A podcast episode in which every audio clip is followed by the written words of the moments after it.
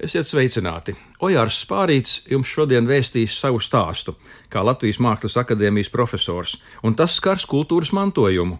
Ik viens laikam ir pamanījis, ka atzimst Lestenes baznīca, un kā tā ir pirmkārt zaudējusi savu spožumu pēckara padomju gados, kad tajā tiek ierīkota kolhoza graudu kalte, kad altāris un kancele un ērģeļu drupas, kas ir palikuši pāri pēc otrā pasaules kara, tiek mētātas pa Tukuma muzeju, pa dažādām citām vietām, līdz beidzot nonāk Rundālas pils muzejā.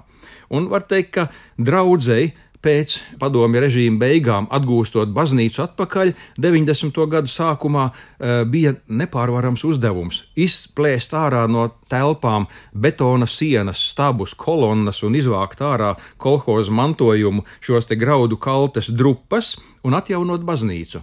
Un tā līdz 2010. gadam, kad kopā ar Imantu Lansmaņu kungu mēs nodomājām, kāpēc gan Lestenes baznīcu, kurai blakām ir latviešu leģionāru kapi, nepadarīt par vietu, kur Ansamblī ar šo kapsētu var notikt arī aizlūgumi par mirušām dvēselēm, piemiņas dievkalpojumi, un var notikt arī, kā teikt, koncerti. Visa šī kultūras darbība būtu uzskatām par viena ansambļa apvienotu rīcību, kurā kapulauks un dievnams būtu viena ansambļa divas daļas.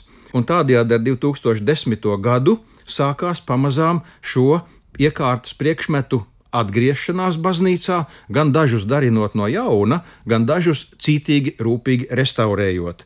Mēs varam teikt, ka e, Rīgas amatniecības vidusskola deva pirmo ieguldījumu, izgatavojot draudzes solu kopijas.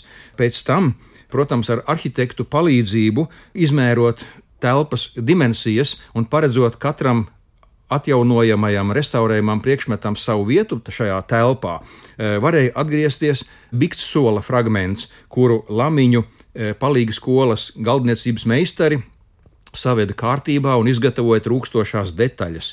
Pēc tam Rundāles pils restauratori atjaunoja kanceli, papildinot to ar trūkstošajām detaļām, apzeltot un, protams, kad eksponējot viņu sākotnējā vietā, bet paša Imanta Lansmaņa ieguldījums ir e, finansiāla palīdzība kanceles jumtiņa eņģeļa izgatavošanā no jauna. Un tad jau vēlāk, protams, piesaistījās vairāk palīgu gan vietējie namdari, un 2017. Eh, gadā baznīcā atgriezās altāris. To vajadzēja pārvest, samontēt un, protams, ka visā majestātiskajā mērogā uzstādīt altāra vietā, kur viņš kādreiz ir arī atradies. Tikai altārim līdz šim trūkst dažas skulptūras, tās, kas bija pārcietušas karu un pēc tam postu, bija jārestaurē, un ar katru gadu kāda no skulptūrām restaurēta atgriežas sākotnējā vietā.